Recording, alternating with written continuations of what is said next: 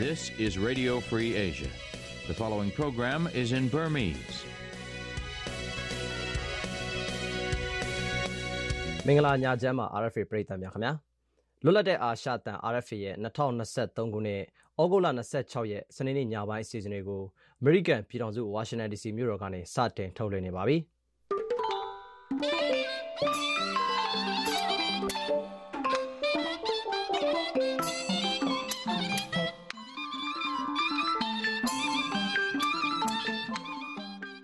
ကျွန်တော်အောင်တိန်ခပါဒီနေ့စီစဉ်နေတဲ့မှာတော့ RFA ကရရှိထားတဲ့ထူးခြားသတင်းတွေနဲ့အတူ ကုန်စည်နှုန်းကြီးမြင့်မှုဟာမတမာသူတွေရဲ့ဈေးကစားမှုကြောင့်ဖြစ်တယ်လို့စစ်ကောင်စီဥက္ကဋ္ဌပြောလိုက်တဲ့သတင်းနဲ့အပတ်စဉ်စနေနေ့တိုင်းတင်ဆက်ပေးနေတဲ့ RFA စကားဝိုင်းအစီအစဉ်တွေကိုကြည့်ရှုနားဆင်ရမှာပါ။အရင်ဆုံးသတင်းတွေကိုတင်ပြမှာပါခင်ဗျာ။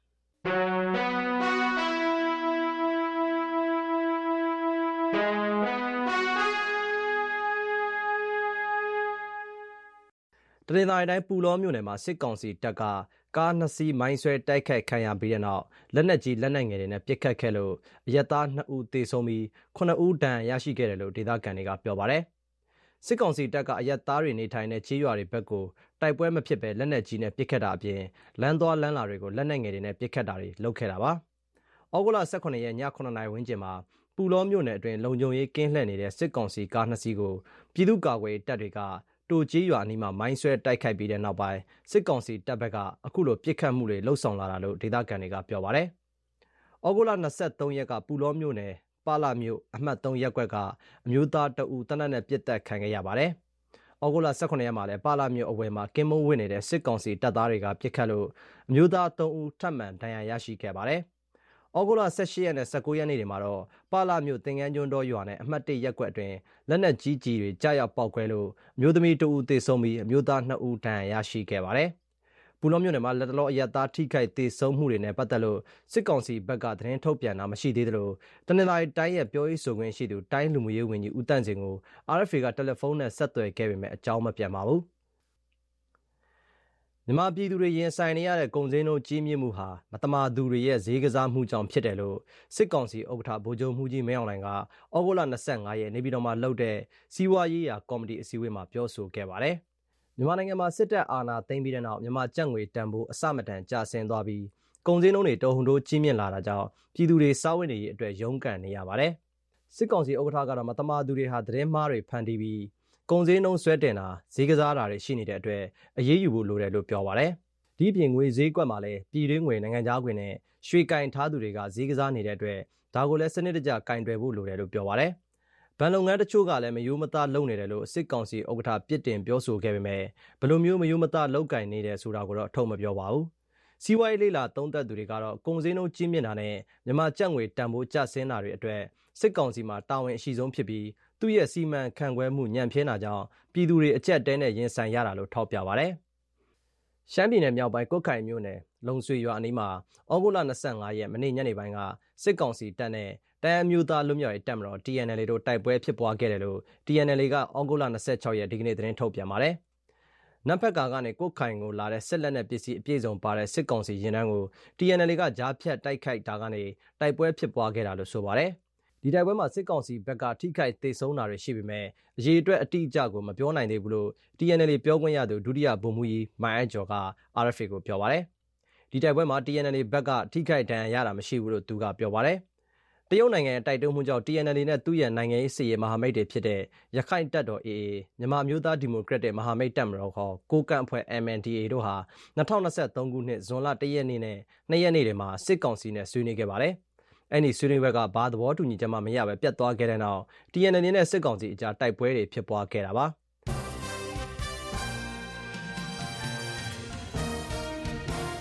ဒီနေ့ကိုတင်ပြခဲ့တာပါအခုဆက်ပြီးသတင်းဆောင်းပါးတွေကိုထုတ်လွှင့်ပါတော့မယ်မန္တလေးမြို့ကနေသခိုင်းတိုင်းနဲ့ကချင်ပြည်နယ်ကိုစစ်လက်နက်ပစ္စည်းနဲ့ရိတ်ခါတွေတည်ယူပို့ဆောင်နိုင်တဲ့မိရထားလမ်းဘေးတစ်လျှောက်စစ်ကောင်စီတပ်ကနယ်မြေရှင်းလင်းရေးလုပ်နေတဲ့အတွက်ဝက်လက်မြို့နယ်ကဒေသခံတထောင်ခွဲအဝိန်စွန့်ခွာထွက်ပြေးနေရပါတယ်။ ဒီအကြောင်းဦးတင်အောင်ခိုင်ကတင်ပြထားပါတယ်ခင်ဗျာစစ်ကောင်စီတပ်ကစကိုင်းတိုင်းစကိုင်းမြို့နယ်နဲ့ဝက်လက်မြို့နယ်အဆက်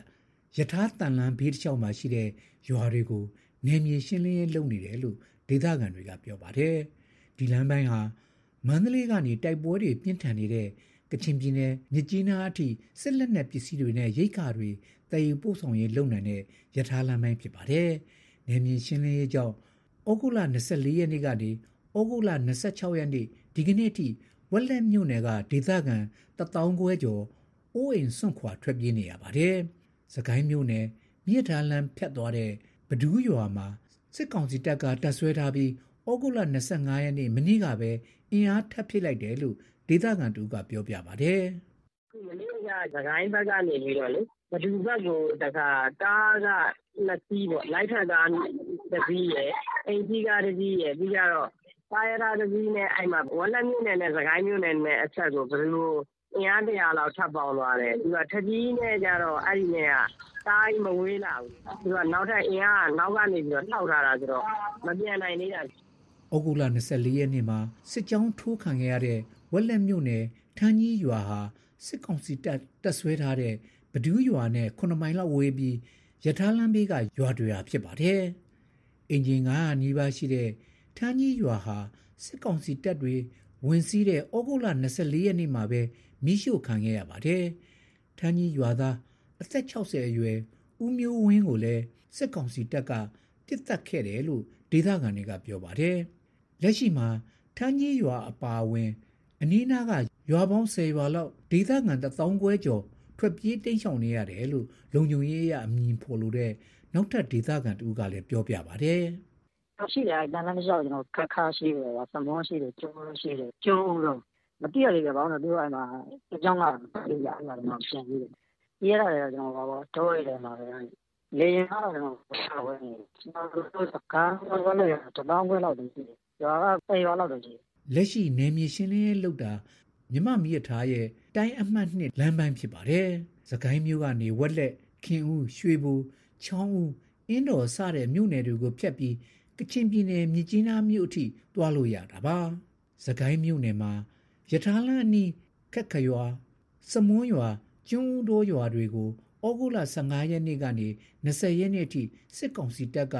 ဝန်ရောက်စီးနှင်းမိရှို့ခဲ့တယ်လို့ဒေသခံတွေကပြောပါတယ်။မိရှို့ဖျက်ဆီးခံရတဲ့အင်ဂျီအရေးအတွက်ကိုတော့အတိအကျမသိရသေးပါဘူး။စစ်ကောင်စီတပ်တွေဟာဩဂုတ်လ23ရက်နေ့တုန်းကလည်းဝက်လက်မြို့နယ် ပောက်ကံဘူတာအနီးကပောက်ကံရွာကိုလေကြောင်းတိုက်ခိုက်မှုလုပ်ခဲ့လို့အရသားလေးဦးဒဏ်ရာရခဲ့တယ်လို့ဒေသခံတွေကပြောပါတယ်။လက်ရှိရထားလမ်းဘေးတစ်လျှောက်စစ်ကြောင်းထိုးနေတဲ့စစ်ကောင်စီတပ်တွေနဲ့ဒေသခံပြည်သူ့ကာကွယ်ရေးတပ်တွေကြားတိုက်ပွဲတွေဖြစ်ပွားတာတွေလည်းရှိတယ်လို့ PDF တပ်ဖွဲ့ဝင်တူဖြစ်တဲ့ဗိုလ်ကြားကြီးတပ်ဖွဲ့တာဝန်ရှိသူတူကပြောပါတယ်။အခုလည်းအချက်ကြီးမှာဖြစ်တော့ဖြစ်ပြီးတယ်အတူဝင်ပြီးတော့ဗဒလေးနည်းနည်းပါးပါးတော့ ဖြစ်တယ်။ခုလောရမရှိသေးဘူးအဲ့ဒါဒီလူရဲ့ပြီးလွာနေရတယ်အဲ့ဒါကတ်လို့လည်းမရသေးဘူးပြီးရလူတချို့လည်းအဲ့လိုတန်တန်းတွေပါပြင်ခိုင်းနေဆိုတော့ဒီရရစမြင်လာတာဆိုတော့ဒီပေါက်ကံပြန်တော့လက်ရှိမှာစစ်ကောင်စီတပ်တွေဟာပောက်ကံရွာကိုရောက်နေတယ်လို့လည်း PDF တပ်ဖွဲ့တွေကဆိုပါတယ်ဒေသခံ PDF တွေကတော့စစ်ကောင်စီတပ်ဟာယထာလန်းနှစ်ဘေးကရွာတွေကိုစစ်ကြောင်းထိုးရှင်းလင်းပြီးသကိုင်းရွှေကိုမြစ်ထားလမ်းပိုင်းကိုအသုံးပြုဖို့ကြိုးစားနေတာလို့ပြောပါတယ်ဒါပေမဲ့ ဒီမြစ်ထားလမ်းဟာစစ်တပ်ကအာဏာသိမ်းပြီးတဲ့နောက်မြစ်ထားဝန်ထမ်းတွေက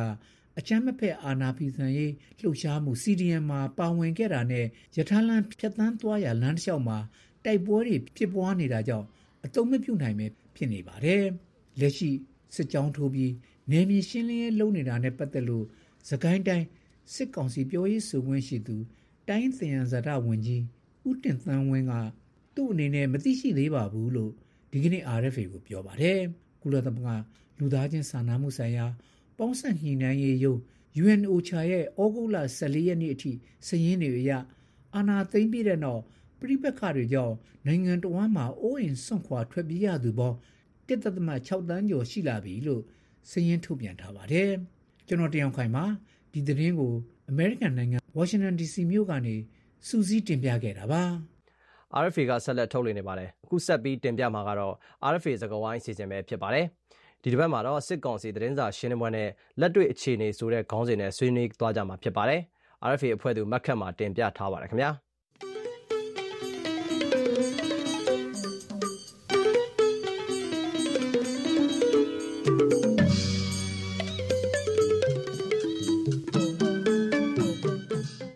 ဖေးစကဝိုင်းအစီအစဉ်အကျိုးတူပါတယ်ရှင် ဒီတစ်ပတ်မှာတော့ကျမတို့ပြီးခဲ့တဲ့ဩဂုတ်လ22ရက်နေ့ကပြုလုပ်သွားတဲ့ဒီစစ်ကောင်စီရဲ့သတင်းစာရှင်းလင်းပွဲမှာပြောဆိုခဲ့တာတွေနဲ့ပတ်သက်ပြီးတော့ဆွေးနွေးကြမှာဖြစ်ပါတယ်အဲ့ဒီမှာအဲ့ဒီသတင်းစာရှင်းလင်းပွဲမှာစစ်ကောင်စီပြောခွင့်ရဗိုလ်ချုပ်စော်မင်းထွန်းကနိုင်ငံရေး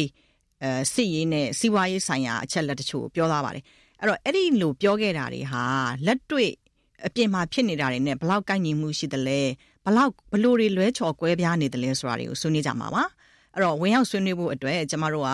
ဒီ NUG အမျိုးသားညီညွတ်ရေးအစိုးရပြောခွင့်ရသူဦးနေဖုံးလက်စီဒီယမ်ဘူကြီးထက်မြက်နဲ့နိုင်ငံရေးလိလာသုံးသက်သူဦးတန်းစိုးနိုင်တို့ကိုဖိတ်ခေါ်ထားပါတယ်အားလုံးပဲမင်္ဂလာပါရှင်အဲ့ဒီသတင်းစာရှင်းလင်းပွဲမှာဗိုလ်ချုပ်စော်မင်းထွန်းကဒီနေပြည်တော်ကောင်စီနယ်မြေမှာတိုက်ပွဲတွေဖြစ်ခဲ့တယ်ဆိုတာဝန်ခံသွားပါတယ် ဒါမဲ့ဝန်ခံတဲ့တစ်ချိန်တည်းမှာပဲအဲ့ဒီနေရာတွေကိုလုံခြုံမှုရှိအောင်ဆောင်ရွက်ပြီးဖြစ်ပါတယ်လို့လည်းပြောပါတယ်အဲ့တော့စစ်ကောင်စီရဲ့လုံခြုံမှုဆိုတာဘာကိုဆိုလိုတာလဲပြည်သူတွေအတွက်လုံခြုံမှုကိုပြောတာလားစစ်သားတွေအတွက်လုံခြုံမှုကိုပြောတာလားတပ်မတော်စစ်တပ်ထဲမှာသုံးနှုံးတဲ့လုံခြုံမှုဆိုတဲ့အဓိပ္ပာယ်ကဘာကိုဆိုလိုတာလဲပြီးတော့လက်ရှိအခြေအနေကကြတော့ဘလို့ဖြစ်နေတာလဲဆိုတာကိုဒီတက်မတော်မှာတာဝန်ထမ်းဆောင်ခဲ့မှုတဲ့ဘိုးကြီးထက်မြက်ကအရင်ဆုံးဆွေးနွေးပေးစီချင်ပါတယ်ရှင် အခုဆိုလောက်ထားပါတယ်ဆိုတော့လုံခြုံမှုဆိုတာသူတို့အတွက်ပဲတည်တံ့လုပ်တဲ့လုံခြုံမှုပေါ့နော်သူတို့ကဘယ်သူ့ကိုမှကာကွယ်ပေးနေတဲ့ကောင်လည်းမဟုတ်ဘူးအဲဆိုတော့ပြည်သူကိုလည်းသူတို့လုံခြုံမှုရှိမရှိဆိုတာမျိုးသူတို့စိတ်ဝင်စားဘူးသူတို့လောက်ကစစ်သားတွေလုံခြုံမှုရှိမရှိသူတို့ရဲ့မိသားစုတွေလုံခြုံမှုရှိမရှိဆိုတာမျိုးတွေလည်းဒီကောင်တွေကစိတ်ဝင်စားဘူးအဓိကတော့သူတို့သူတို့အကြီးပိုင်းတွေရှိပါတယ်ဆိုတော့အဲ့ဝန်လေးအတွင်းမှာပဲလုံခြုံမှုကိုသူကတန်ဖိုးထားတာပေါ့နော်အဲ့တော့သူတို့ရဲ့လုံခြုံမှုအတွက်ဆိုရင်ဒီပြီးတော့မှဒီတက်နှစ်တက်ရှိတယ်ပေါ့နော် ဒါလုံခြုံရေးတပ်ပုံစံမျိုးဖွဲ့ထားတဲ့တက်နှစ်တက်ရှိတယ်အဲ့တက်နှစ်တက်ကအာဒါမရောက်နိုင်တဲ့စိုးဝင်းအတွက်သူတို့ရဲ့လမ်းကြောင်းတွေအတွက်သူတို့ရဲ့လှုပ်ရှားမှုတွေအတွက်တိတန့်လိုက်ပါလှုပ်ဆောင်ပေးရတဲ့တရင်နှစ်ရင်ကိုဖွဲ့ထားတာမျိုးရှိတယ်ပေါ့နော်အဲ့တော့ဒါကိုကြည့်မယ်ဆိုရင်ကိုပဲကျန်တဲ့သူတွေကအသက်မပါတယ်လို့မျိုးအဲသူတို့ပဲအသက်ပါတယ်လို့မျိုးသူတို့ပဲလုံခြုံမှုအရေးကြီးတယ်လို့မျိုးပုံစံမျိုးဖွဲ့စည်းထားတယ်ဆိုတော့ဒါမြင်တာတယ်ပေါ့နော်အဲတနေရာသွားမယ်ဆိုရင်တချို့ကိုကျုပ်တွေကအာစစ်သားဖြစ်ပြီးစစ်ကားမတုံးရတဲ့ကောင်တွေအများကြီးရှိတယ်ပေါ့နော်ဒါအချက်ကားတွေငှားပြီးတုံးဆွဲတာမျိုးတွေရှိတယ် အဲသူတို့ကိုသူတို့ဒါလူနဲ့တောင်မတူဘူးပေါ့လေနော်ဟိုကိုကြောင်ကိုယ်နဲ့သွားရတာမျိုးတွေရှိတယ်ပေါ့နော်ဒါသူတို့ကဒါတကယ်ဖြစ်နေတဲ့ခါတွေပေါ့နော်အဲ့တော့အရင်ကတည်းကဒီလိုမျိုးတွေလှုပ်ဆောင်နေခဲ့တဲ့ဂျားတွေကမှကျွန်တော်တပ်ဖွဲ့တွေကဒီလိုမျိုးသူတို့ကြောက်လာပါကြီးသူတို့အရေးထားလာပါကြီးဆိုတဲ့နေရာမျိုးမှာဝင်ပြီးတော့ဒီလိုမျိုးအောင်မြင်မှုတွေယူရန်ပူလာနိုင်ခဲ့တာဒါနေတဲ့အရေးပေါ့နေတဲ့အဆင့်မဟုတ်ဘူးပေါ့နော်အဲ့တော့သူတို့ဘလောက်ပဲပြောပြောသူတို့အတွက်သူတို့လုံခြုံပါတယ်လို့ဘလောက်ပဲဆိုတာဆိုတာသူတို့စိတ်ထဲမှာတေချာပေါက်မလုံခြုံတော့ဘူးပေါ့နော် အဲသူတို့တွေမကောက်ဘူးသူတို့ကိုထောက်ခံနေတဲ့ဒါစစ်ဘောမတွေကစသူတို့ကိုလုံခြုံတယ်လို့တေချာပေါက်မခံစားရတော့ဘူးပေါ့နော်အခုသူတို့သုံးလုံးလိုက်တယ်ဆိုရဲလုံခြုံရေးဆိုတာကလည်းသူတို့အတွက်သူတို့လုံခြုံရေးပဲဖြစ်ပါတယ်လို့ပြောချင်ပါတယ်ဗျဟုတ်ဟုတ်ကဲ့ပါရှင်ကျေးဇူးအများကြီးတင်ပါတယ်ရှင်အဲ့တော့ဦးနေဖုံးလက်အနေနဲ့တော့ဒီဒီ NUG အမျိုးသားညီညွတ်ရေးအစိုးရအပိုင်းကနေပြီးတော့ဒီလုံခြုံရေးနဲ့ပတ်သက်တဲ့အနေအထားပေါ့ပြည်သူတွေအဲအတွက်ရောဒီစစ်တပ်အတွက်ရောကိုယ့်ရဲ့ အဲအဲကာကွယ်ရေးတပ်ဖွဲ့တွေအတွက်လုံခြုံရေးအခြေအနေရောခြုံပြီးတော့ဘယ်လိုများဆွေးနွေးပေးလို့ရမလဲရှင်တောက်လျှောက်ဒီတိုင်းသားနယ်မြေတွေမှာဆိုရင်တိုင်းသားတွေကိုနီလန်းပေါင်းစုံနဲ့เนาะဒီအခြားဒီမြန်မာပြည်သူတွေဆိုရင်လည်းနီလန်းပေါင်းစုံနဲ့ရရဆက်ဆက်เนาะနှိပ်ပြည်စည်းနှိပ်ဆက်เนาะတက်ဖြတ်ဒါတွေလုပ်နေတဲ့သူတွေကဘလို့မှသူတို့ကိုရောစိတ်ကောဒါလုံခြုံမှာမဟုတ်ဘူးလို့ကျွန်တော်ဒီလိုပဲကျွန်တော်ပြောချင်တယ်ပေါ့နော်အဲ့တော့ခုနကစစ်ပွဲနဲ့ပတ်သက်ပြီးပြောရရင်လေဒါကျွန်တော်တို့ ဖြစ်တဲ့စစ်ပွဲကခုနကနေပြည်တော်တခုတည်းမဟုတ်ဘူးပေါ့နော်ဒါပြီးခဲ့တဲ့ဒီ August August လဒုတိယအပတ်အတွင်းမှာပဲဒါကျွန်တော်တို့စုစည်းထားတဲ့မှတ်တမ်းတွေအရဒီကချင်မှာလည်းဖြစ်တယ်ကချင်မှာ3ပွဲဟောဒီကရားကရင်နေမှာဆိုရင်22ပွဲနောက်ပြီးကရင်ပြည်နယ်မှာဆိုရင်ထိတွေ့တိုက်ပွဲ5ပွဲချင်းပြည်နယ်မှာဆိုရင်4ပွဲစကိုင်းမှာဆိုရင်16ပွဲနော်တဲနာရီတိုင်းမှာဆိုရင်ဒါထိတွေ့တိုက်ပွဲ17ပွဲနေပြည်တော်မှာဆို3ပွဲပဲခူးမှာ5ပွဲမကွေးမှာ18ပွဲမန္တလေးမှာ6ပွဲမွန်ပြည်နယ်မှာ17ပွဲရှမ်းမှာ10ပွဲ နော်အဲ့တော့စကန်ဒိတ်တိုက်ပွဲတွေလည်းအားလုံးဒါမြင်ကြရမှာဖြစ်တယ်တနိုင်ငံလုံးမှာဒီလိုပဲခုနကခုခံတွန်းလှန်တိုက်ပွဲတွေရောနောက်ပြီးတော့ counter offensive လို့ခေါ်တဲ့ထိုးစစ်တွေရောကျွန်တော်တို့ဒါဒေါ်လာအင်အားစုတွေဘက်ကဒါဆင်နွှဲနေပြီဖြစ်တယ်ပေါ့နော်အဲ့တော့ဒီလိုအခြေအနေမှာခုနကနေပြည်တော်နဲ့နီးလာတယ်ခုနကပဲခူးတို့မန္တလေးတို့တကယ်ကိုမြို့ကြီးတွေမှာဟိုပဲဒါဒီလိုကိစ္စမျိုးတွေဖြစ်နေတဲ့အချိန်မှာဒါသူတို့အနေနဲ့ကတော့ဘလို့မှအဲကိုရောစိတ်ကောလုံခြုံ မှာမဟုတ်တဲ့အခြေအနေကိုရောက်လာပြီလို့ကျွန်တော်တို့ကပြောလို့ရတယ်။အော်တစ်ဖက်မှာကြည့်ပြန်တော့လေဒါစစ်ဖြစ်နေတဲ့အချိန်မှာကျွန်တော်တို့ရဲ့ဒေါ်လာရေးအဲတပ်ဖွဲ့ဝင်တွေအတွက်တော့ဒါလုံခြုံရေးကတော့တိတ်အရေးကြီးပါတယ်။ကျွန်တော်တို့ဒါပထမဦးစားပေးအနေနဲ့ကျွန်တော်တို့ဒါဆောင်ရွက်တယ်ပေါ့နော်။အဲဒါပေမဲ့လည်းကျွန်တော်တို့က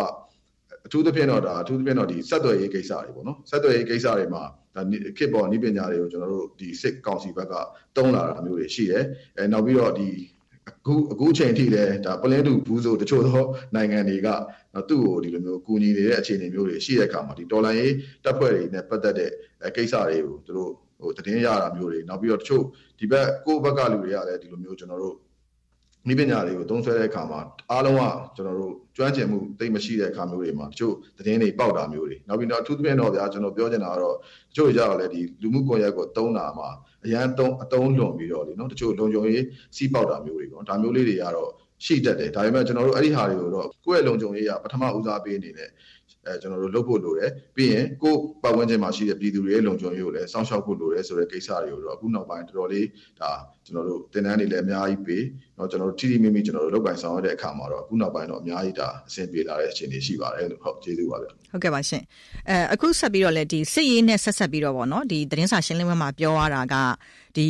အကြမ်းဖက်လမ်းကြောင်းမလုပ်ဖို့အဲဒီအကြမ်းဖက်မှုကိုရှုတ်ချပါတယ်ဆိုပြီးကဘာတိကြီးညာပေးမှသာဆွေးနွေးမယ်လို့ လဲဒါအလေးထားပြီးတော့ပြောသွားပါတယ်အဲ့တော့ညှိနှိုင်းဆွေးနွေးတယ်ဆိုတာကျမတို့နားလည်ထားတဲ့ညှိနှိုင်းဆွေးနွေးမှုဆိုတာကပရိပက္ခဖြစ်နေတဲ့သူပြဿနာဖြစ်နေတဲ့အဖွဲ့အစည်းနဲ့မှသာပြေလည်အောင်ရှစ်ဆက်လို့ရအောင်ညှိနှိုင်းနေဆိုတဲ့အသုံးနှုန်းကိုသုံးတာပါအဲ့တော့အခုကျတော့အဲ့လိုပြိပက္ခဖြစ်နေတဲ့သူအဲပြဿနာဖြစ်နေတဲ့သူတွေကိုမညှိနှိုင်းဘူးမဆွေးနွေးဘဲနဲ့အစတွေကသဘောတူညီထားပြီးသားလက်ဝါးချင်းရိုက်ထားပြီးသား သူတွေနဲ့ဆက်ပြီးတော့ဆွေးနွေးမယ်ဆိုတဲ့အခါကျတော့ဘာတွေကိုဆွေးနွေးမှာလဲနော်ဒီညှိနှိုင်းဆွေးနွေးစရာရှိတာအောင်မညှိနှိုင်းမဲ့နဲ့အဲရှေ့ဆက်ဖို့ကြိုးစားတဲ့အတွက်ဒီစစ်ကောင်စီအတွက်ပဲဖြစ်ပါစေနိုင်ငံအတွက်ပဲဖြစ်ပါစေဘလို့ရလတ်တွေကဖြစ်လာနိုင်တယ်လဲဆိုတာတော့ဒီနိုင်ငံရေးကိုတောက်လျှောက်လေ့လာသုံးသပ်နေတဲ့ဆရာဦးတန်းစိုးနိုင်ကိုဆွေးနွေးပေးစေချင်ပါတယ်ရှင်ဆရာတမိုင်းမှာမကြုံမှုတဲ့ကြမ်းဖက်မှုတွေလက်နဲ့မျိုးစုံတွေဗမာပြည်မှာကြမ်းဖက်မှုကိုအမြင့်ဆုံးကျူးလွန်နေတာ စစ်ကောင်စီဖြစ်တယ်ဒီစစ်ကောင်စီကဟိုအကြမ်းဖက်ပါတယ်ဆိုတာကိုတန်တဲ့အင်အားစုတွေဟာတင်ညာပြီးတော့မှသူတို့အတွေ့ဆုံပြီးဆိုတော့တော်တော်တော့ကလေးကလာနိုင်ပြီတော်တော်တော့ရည်စရာကောင်းတဲ့အကွက်တွေပဲဗျအဲ့တော့ဒါကတော့သဘာဝတော့ကြပါလေအကြက်တဲဖြစ်လာလို့ချင်းအဲ့လိုပဲလीကတောင်းငင်းနေပြောလာတာဒါတွေကတော့သဘာဝပါပဲဒါမဲ့ကျွန်တော်တို့ပြည်သူတွေအနေနဲ့ကြည့်လို့ရှိရင်တော့အခု PDF တွေနဲ့ NUG ဥဆောင်တဲ့ PDF တွေနဲ့ ဒီတိုင်းသားလက်နက်ကိုင်ဖွဲ့စည်းတွေရဲ့တိုက်ပွဲတွေကအခုချင်းမိုးရင်းလက္ခဏာဆောင်တဲ့တိုက်ပွဲတွေကြီးဖြစ်လာတယ်အဲအဲ့ဒီထဲမှာအခုဆိုလို့ရှိရင်လမ်းအားလုံးနေပြီးတော့သူဥတီရဲ့ဥတီကျမဟာဗျူဟာဒီပန်းချက်ကိုဟိုကျွန်တော်တို့ဒီဒီကာဝေးဝန်ကြီးဌာနကကြီးညာတယ်တပြိုင်နက်တည်းမှာဒီပြီးခဲ့တဲ့လတလအတွင်းမှာစကိုင်းလိုအာနေရာမျိုးအတောင်မှကျွန်တော်တို့ အာတိုက်ပွဲ16ပွဲဖြစ်ဖြစ်ခဲ့တယ်ဆိုတော့တပီလုံးကတော့ပြောစရာမရှိတော့ဘူးအဲ့လိုအခြေအနေမျိုးအဲ့ဒီလိုအနေထားရောက်နေတဲ့အချိန်မှာသူတို့အနေနဲ့အခုလိုပေါ့အာပေါ်ဒီနေရာကနေပြောယူပြီးတော့ဆွေးနွေးမဲ့ပုံစံမျိုးတွေနော်အမှန်ကတော့အဲ့ဒါတော့ကျွန်တော်အမြင်အရာပြောလို့ရှိရင်တန်တမာရေးဒီမိုကရေစီတန်တမာရေးလှုပ်ရှားမှုကိုတိုးမြင့်နိုင်မှုတို့အဲ့ဒီအကြောင်းချက်လက်တွေကိုသုံးနေတာပါတကယ်အနေထားကတော့ သူတို့စီးရေးရမျက်ဖြူဆိုင်နေတဲ့အနေထားပါကျွန်တော်တို့ຫນွေဦးဒေါ်လာကြီးမကြခင်အောင်မွေးခံတော့မဲ့အနေထားတစ်ခုတည်းအလှည့်ပြောင်းကာလကိုရောက်နေပြီလို့ကျွန်တော်တို့မြင်ပါတယ်ခင်ဟုတ်ကဲ့ပါဆရာကျေးဇူးတင်ပါတယ်ရှင်အခုဘိုးကြီးထက်မြတ်ဆိုရင်လည်းဒါတက်ထဲမှာတာဝန်ထမ်းဆောင်ခဲ့တဲ့လူဆိုတော့ဒီတက်ထဲမှာရှိနေစဉ်ကာလမှာဒီစန့်ကျင်ဘက်အဖွဲ့တွေနဲ့ညှိနှိုင်းဆွေးနွေးမှုဆိုတဲ့စကားပြီးတော့အကြမ်းဖက်တယ်ဆိုတဲ့စကားကိုဒီတက်မတော်သားတွေကို ဒီစစ်ကောင်းဆောင်တွေကဘလို့ပုံဖော်ခဲ့တယ်လဲတက်ထဲမှာအဲ့ဒီစကားတွေနဲ့ပတ်သက်ပြီးတော့ဘိုးကြီးတို့ဘလို့သိခဲ့ပြီးတော့အခုတက်ရဲ့ပြင်ပပေါ့နော်ဒီအခုလိုလွတ်လပ်တဲ့နေရာကိုရောက်သွားတဲ့အခါပြည်သူတွေရဲ့ခံစားမှုပြည်သူတွေရဲ့တော်လှန်မှုကိုတကယ်မြင်ရတဲ့အခါမှာသူတို့ပုံဖော်ခဲ့တဲ့အကြမ်းဖက်မှုတို့ဒီညှိနှိုင်းဆွေးနွေးမှုတို့ဆိုတာတက်ထဲမှာရှိစဉ်ကနဲ့ဘလို့ကွာခြားသွားတယ်လဲဆိုတာလေးပြပြပေးပါရှင်အများကြီးကွာခြားတာပေါ့နော်အများကြီးကွာခြားတယ်ဆိုတာကျွန်တော်တင်တန်းကျောင်းမှာတနေ့ကကိုပဲပေါ့နော် DSC တက် တက်တနေ့ကကိုပဲအာသူတို့တွေကဒီတိုင်းသားတော်လိုင်းရေးတပ်ဖွဲ့တွေဆိုရင်သူကအကြမ်းဖက်လို့ပဲတုံးတုံးတယ်ဆိုတာတော့လေ့ကျင့်ခန်းတွေလုပ်ရတဲ့အခါပေါ့နော်အဲတိုက်စစ်လို့လေ့ကျင့်ခန်းတွေလုပ်ရတဲ့အခါမှာလေ့ကျင့်ခန်းမှာပါတဲ့သင်ခန်းစာတွေကခေါင်းဆောင်တွေဘွားစဒါတော်လိုင်းရေးတိုင်းသားတော်လိုင်းရေးတပ်ဖွဲ့တွေရဲ့နာမည်တွေတုံးတယ်ပေါ့နော်ဥပမာရှေ့မှာရှိတဲ့ဒီတောင်ကုန်းမှာပေါ့နော် KIA အကြမ်းဖက်တောင်းကျမ်းသူဘူဘူတူဦးစီးဘယ်နှယောက်ပေါ့နော်အဲ KNU အကြမ်းဖက်တောင်းကျမ်းသူဘူဘူတူဦးစီးဘယ်နှယောက် ဒီလိုမျိုးပုံစံမျိုးနဲ့ကျွန်တော်တို့ရိုက်သိမ်းခံရတာပေါ့နော်အဲကျွန်တော်တို့တွေကဒီဘက်ကိုရောက်လာတဲ့အခါမှာအဲ့ဒီဟာတွေကလုံးဝကွဲပြားပြီးတော့မြင်လဲရတယ်ပေါ့နော်ကျွန်တော်ဆိုတော်တော်လေးဒီပေါ်မှာအရင်ဟိုတကယ်လည်းကိုချင်းစာမိသွားတဲ့အချိန်မှာအရင်ခံစားရတယ်နော်ဘာလို့ဆိုတော့ကျွန်တော်တို့ဒီ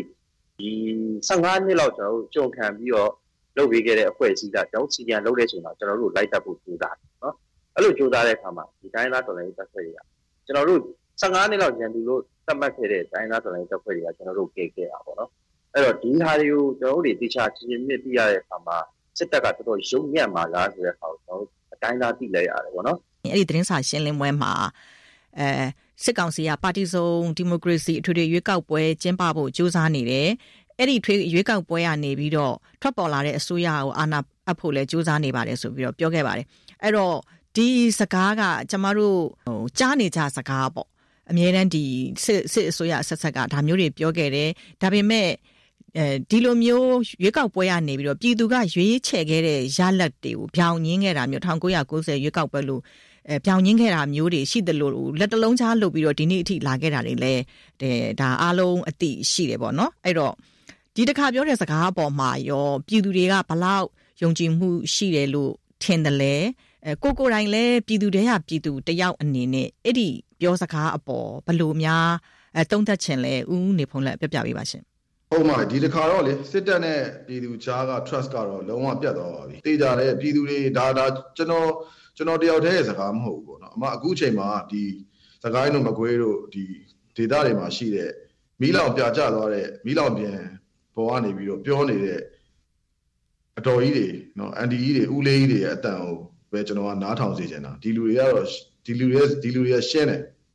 ငါအိမ်မယ်မင်းတို့မီးရှို့လို့ရမယ်နော်ငါငါရှင်ဘတ်ထက်ကဒီဒေါ်လာရေးစိတ်ကိုတော့မင်းတို့မီးရှို့လို့မရဘူးအဆုံးတဲ့အထိတိုက်မှာပဲဆိုတာမျိုးနော်အမှန်တမ်းပြောရရင်ဒီဇော်မဲလုံးဗာပြောတယ်ဆိုတဲ့ကိစ္စတော့မှကျွန်တော်တို့ဒီဘယ်သူမှတိတ်လဲစိတ်လဲမဝင်သားတော့စိတ်လဲမဝင်သားတော့တိလဲမသိချင်ဘူးနော်ကိုကိုလမ်းကြောင်းနဲ့ကိုကိုရဲ့ပန်းနိုင်ကျွန်တော်တို့ပြည်သူတွေမှာရှိပြီးသားဖြစ်တယ်ကျွန်တော်တို့တန်ဋိဌာန်နဲ့ခိုင်မှာမှာချထားပြီးသားဖြစ်တယ်နောက်ပြီးနောက်တစ်ခုကကရွေးကောက်ပွဲရွေးကောက်ပွဲ ကျွန်တော်တို့ကတော့ဒါ sham election ပေါ့နော်ဒါတရားမဝင်အတူရောင်ရွေးကောက်ပွဲသားလည်းဖြစ်တယ်သူတို့မှာလုတ်ပိုင်ခွင့်သူတို့မှာမရှိဘူးသူတို့ကလုတ်ပိုင်ခွင့်ရှိတဲ့ဒီတရားတရားဝင်အစိုးရတရားမဟုတ် legitimacy ပေါ့နော်တရားဝင်အစိုးရတရားမဟုတ်သူတို့ကလုတ်ပိုင်ခွင့်မရှိဘူးအဲ့တော့လုတ်နိုင်စွမ်းရှိတာမေးကြည့်လုတ်နိုင်စွမ်းလည်းမရှိဘူးเนาะကျွန်တော်တို့ဒီ BACS ပေါ့နော် Burma Affair and Conflict Study ကလောက်ထားတဲ့မြေပုံလေးမှာရွေးကောက်ပွဲနဲ့ပတ်သက်ပြီးသူတို့ဒီတနိုင်ငံလုံးမှာသူတို့လှုပ်ရှားတဲ့နေရာတွေရှိတယ် အဲ့နေရာတွေကိုကြည့်မယ်ဆိုရင်ဆိုပါစို့သခိုင်းမှာဆိုမုံရွာတရွာထဲမှာမုံရွာတစ်မျိုးထဲမှာပဲသူတို့နည်းနည်းပါးပါးလှုပ်ရှားနိုင်တယ်ချင်းမှာဆိုလုံးဝမလှုပ်ရှားနိုင်ဘူး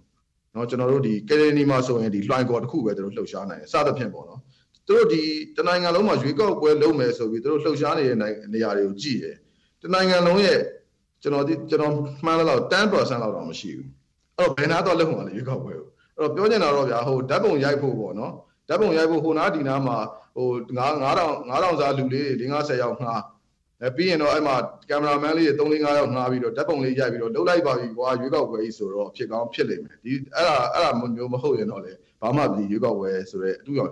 ရွေးကောက်ပွဲဖြစ်လာကြအကြောင်းမရှိဘူးလို့ပဲပြောချင်ပါတယ် ဒီစစ်ကောင်းဆောင်ကလည်း तू မလုပ်ရဲတာဘာမှမရှိဘူးလို့ပြောထားတဲ့စကားအခန့်လည်းရှိတယ်လို့သူတို့အဆက်ဆက်လုပ်ခဲ့တာတွေအရာသူတို့ကသူတို့လုပ်ချင်တာကိုသူတို့ဖြစ်အောင်လုပ်မှာပဲနော်ရွေးကောက်ပွဲကိုလည်းခုနပြောသလို9000စား450ရောက်နဲ့အဲပဲဖြစ်စေသူတို့ရွေးကောက်ပွဲရလို့ကဘာကိုပြလို့ရအောင်လုပ်တာမျိုးလည်းဖြစ်လာနိုင်တာပဲဆိုတဲ့အခါကျတော့တကယ်လို့အဲ့လိုအတင်းအကျပ်လုပ်ခဲ့သည်ထားအောင်အဲ့ဒီရွေးကောက်ပွဲကြောင့်ပေါ့နော်အဲ့ဒီရွေးကောက်ပွဲကြောင့်ဒီပြည်သူလူထုကြားမှာ အဲစစ်တပ်အတွက်ရောပြည်သူလူထုကြားမှာကိုဆက်ပြီးတော့ဖြစ်လာနိုင်တဲ့အလားအလာကိုဆရာဦးတန်းစွနိုင်သုံးသပ်ပေးပါလားရှင်ဟိုတခုနဲ့နဲ့ချုပ်ပြီးပြောရလို့ကျင်တော့ဒီနေ့ကာလမှာဒီစစ်ကောင်စီရဲ့ရွေးကောက်ပွဲကိုမျှော်မှန်းပြီးနော်နိုင်ငံရေးဆက်လုပ်တဲ့လူတွေဟာကိုယ့်ကိုနိုင်ငံရေးရကြိုးစင်တင်မှုကောင်းတဲ့လူတွေပဲလို့ကျွန်တော်တို့နော်ပုံဝင်လင်းပြောလိုက်ကြဒီလောက်ဒီကျွန်တော်တို့ပြည်သူလူထုပေါ် ရေရှည်နော်ဖိနှိပ်လာတဲ့ဒီနေ့ဒီကြမ်းဖက်လာတဲ့နော်နောက်ပြီးတော့အခုအာနောက်ဆုံးရွေးကောက်ပွဲဆိုလို့ရှိရင်တကဘာလုံးကနေပြီးတော့အသိမှတ်ပြုထားတဲ့အခြေအနေအောက်မှာတောင်မှသူတို့ကရွေးကောက်ပွဲအကြောင်းပြပြီးအာဏာသိမ်းနေအဲ့တော့အဲ့တော့အခုဒီနေ့ကလူလူအမြင်ပြောရလို့ရှင်တော့လူလူကရွေးကောက်ပွဲမျောမျောလင့်နေတာမဟုတ်ဘူးမျိုးဒေါ်လာရဲ့အမြန်ဆုံးပြီးဆုံးဆုံးသက်အောင်ပွဲရကြယူလူလူကမျောလင့်နေတာ ကြံတဲ့မျောလင့်ချက်ဆိုတာကတန်တမန်လောကနဲ့မီဒီယာလောကကဖြစ်နေတဲ့ကိစ္စတွေလူလူအမြင်မှာမျောလင်းချက်ဘာမှမရှိဒီတခါတိုက်ပွဲဟာကျွန်တော်တို့တွေးကြွေးကိုဆွေးနွေးစရာအကြောင်းမရှိကျွန်တော်တို့ဒီနေ့ကတော့ဒီဆီယနာရှင်စနစ်ကိုဗမာပြည်ကမြစ်ပြတ်ချေမုံးမဲ့ပွဲဖြစ်လူလူကကျွန်တော်တို့စိတ်ပန်းပြတ်ဖြတ်ထားတဲ့အခြေအနေအောက်မှာတခြားသော မျောလင်းချက်တွေနဲ့တခြားသောနီးနာတွေကိုကျွန်တော်တို့ပဲပြည်သူလူထုအနေနဲ့စဉ်းစားတော့မှမဟုတ်တဲ့အကြောင်းကျွန်တော်ကဒီနေ့သတင်းကောင်းပါချင်တယ်ပေါ့ဒီမြန်မာနိုင်ငံသားကုန်သွယ်မှုဘဏ်နဲ့ယင်းနှိမ့်မြုပ်နှံမှုနဲ့ကုသန်းရောင်းဝယ်ရေးဘဏ်ကိုအမေရိကန်ပြည်ထောင်စုကပိတ်ဆို့အရေးယူခဲ့တာဟာအကြောင်းပြချက်ခိုင်လုံမှုမရှိဘူးဆိုပြီးတော့ဒီစစ်ကောင်စီပြောခွင့်ရသူကသတင်းစာရှင်းလင်းပွဲမှာပြောခဲ့ပါတယ်ပြီးတော့အဲ့ဒီ ပိတ်ဆို့ရေးယူမှုကြောင့်လဲနိုင်ငံထဲမှာဘာမှထိခိုက်မှုမရှိဘူးလို့လည်းသူကပြောခဲ့ပါတယ်။အဲ့မဲ့အဲ့ဒီသတင်းစာရှင်းလင်းပွဲတစ်ခုတည်းမှာပဲဒီစစ်ကောင်စီရဲ့စီမံဘဏ္ဍာဝန်ကြီးကစီဝါရေး အဲပညာရေးကျန်းမာရေးနဲ့ဒီအခြေခံအဆောက်အအုံတချို့ထိခိုက်မှုရှိခဲ့ပါတယ်ဆိုပြီးပြောရပါတယ်အဲ့တော့ဒီတစ်ခုတစ်ချိန်နဲ့သတင်းစာရှင်းလင်းပွဲတစ်ခုထဲမှာပဲရှေ့နောက်ညီညွတ်မှုမရှိတာတွေကိုမြင်နေရတယ်ပြည်သူလူထုကြားထဲမှာကြတော့ဒေါ်လာဈေးက4000နာကတ်နေပြီးလူထုတွေကစားဝတ်နေရေးကမငတ်ယုံတမဲစားနေရတဲ့အခြေအနေမျိုးရောက်နေတယ်ပေါ့နော်အဲ့တော့အဲ့လိုဒီစီးပွားရေးပိတ်ဆို့မှုတွေအထူးသဖြင့်ဒီဘန်တွေကိုပိတ်ဆို့မှုတွေက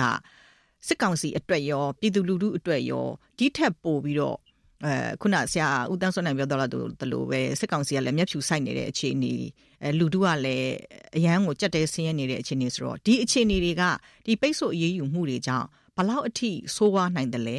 အဲပြီးတော့အဲ့ဒီအဆိုးထဲမှာရောဘလို့အကောင်းတွေရှိနိုင်လဲဆိုတာဟိုကိုနေဖုံးလက်များပြောပြပေးနိုင်မလားရှင်ဒေါ်လာအင်အားစုတွေဘက်ကလုံနေတဲ့ဒီ point out point out လုံနေတာရှိတယ်ပေါ့နော်အဲ့တော့ဆက်စချင်းအခုစလုံနေတာဆိုရင်တော့ဒီအပြောရရမကာနဲ့ ဒီစစ်စစ်လိပ်ပေါ့နော်မြန်မာပြည်ဟာတို့ ABC stock တို့နောက်ပြီးတော့ Ruby တို့စသဖြင့်ပေါ့နော် Adman Go တို့စသဖြင့်ဒါတွေကိုကျွန်တော်တို့ target ထားပြီးနှစ်လကျွန်တော်တို့လုပ်နေတာရှိတယ်ဒါတွေလည်းတော်တော်ထိတယ်ဘာလို့ဆိုဒီဒီကနေပဲသူတို့ပတ်စံတွေရနေတာလေနော်ဒီကနေဒီကနေပဲဒါတွေရောင်းရတဲ့ငွေတွေကနေပတ်စံတွေရတယ်ပြီးတော့အဲ့ဒါတွေကခုနကတနက်ပိုးကြည့်ဖို့ဖြစ်တယ်ပြီးတော့အဲ့ဒါတွေနဲ့ပြည်သူတွေကိုပြန်တက်တယ်ပေါ့နော်ပြည်သူတွေကဘယ်လောက်ကြက်တဲပါသေးနော်ငါတို့ပစ္စည်းတွေကုန်ကုန်ပါသေးနော်ငါတို့အိမ်တွေကုန်ကုန်ပါသေးနော် ဒီဒီကောင်တွေမရှိဖို့အရေးကြီးတယ်ဒီဒေါ်လာရေးအောင်ဖို့အရေးကြီးတယ်ဆိုရင်စိတ်ဓာတ်နဲ့အခုချိန်ဒီဒါဒေါ်လာရေးမှာစိုက်မှတ်မှတ်ပါဝင်နေတဲ့ဒါပြည်သူလူထုတရက်လုံးဟာကျွန်တော်တို့ဒေါ်လာရေးအောင်ဖို့အတွက်ဒါအဓိကအကြောင်းရင်းဖြစ်တယ်လို့ပဲကျွန်တော်ပြောချင်ပါတယ်ဆရာဦးတန်းစွန်းနိုင်ရှင်အခုဦးနေဖုံးလက်ပြောသားတယ်လို့ပါပဲဒီစစ်ကောင်စီလည်းအကြက်ရိုက်နေတယ်အဲပြည်သူလူထုလည်းဆင်းရဲဒုက္ခရောက်နေတယ်အဲဒီလိုအနေအထားမျိုးမှာဒီတော်လှန်ရေးရှေ့ဆက်နိုင်မှုအတွက်အဲဆရာအနေနဲ့ပြည်သူလူထုကိုဘယ်လိုမျိုးများအမှားစကားပြောချင်ပါလဲရှင် စစ်ပွဲတွေမှာဆုံးဖြတ်ပြီးရဆိုတာကကျွန်တော်တို့လက်နဲ့ပေါ့ဒီကစိတ်ဓာတ်ဖြစ်ပါတယ်စိတ်ဓာတ်အရာပြောလို့ရှိရင်ပြီးခဲ့တဲ့2021ခုနှစ်ဖေဖော်ဝါရီလတရက်နေ့ကစိတ်ဓာတ်နဲ့ဒီနေ့နှိုင်းရှင်ကြည့်လို့ရှိရင်ကြာလီလူလူဟာတမဏိသားပို့ပြီးတော့ကြာဒီတိုင်ပွဲအောင်ဝဲခံမှုတွေကျွန်တော်တို့ဒီနေ့ကာလမှာအားလုံးတတ်နိုင်တဲ့ဘက်ကနေပြီးတော့ဝိုင်းဝန်းမှု ပြည်သူတွေရဲ့ဝိုင်းဝန်းပံ့ပိုးမှုရဲ့ကြီးကျယ်တဲ့နော်အာအားပေးမှုတဲ့အောင်ပွဲဟာ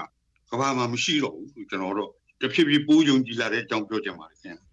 ဟုတ်ကဲ့ပါရှင်အခုဆရာတို့ဘိုးကြီးတို့ရဲ့အခုလိုအားပေးစကားတွေဒီရှေ့ရေးအတွက်သုံးသပ်မှုတွေပြည်သူတွေကိုအားပေးရင်းနဲ့ပဲကျမတို့ရဲ့ဒီနေ့စကားဝိုင်းကိုအဆုံးသတ်ချင်ပါတယ်ရှင်အခုလိုမျိုးပူပေါင်းပြီးတော့ဝင်ရောက်ဆွေးနွေးပေးတဲ့အတွက်လည်းအားလုံးကိုကျေးဇူးတင်ပါတယ်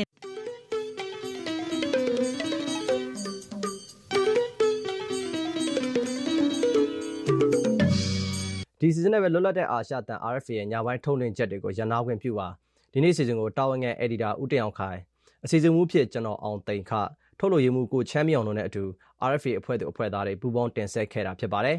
RFA ကိုကြည့်ရှုနားဆင်တဲ့အတွက်အထူးကျေးဇူးတင်ပါတယ်မြန်မာပြည်သူပြည်သားများအားလုံးဘေးဒုက္ခအပေါင်းကနေအမြန်ဆုံးကင်းဝေးကြပါစေခင်ဗျာ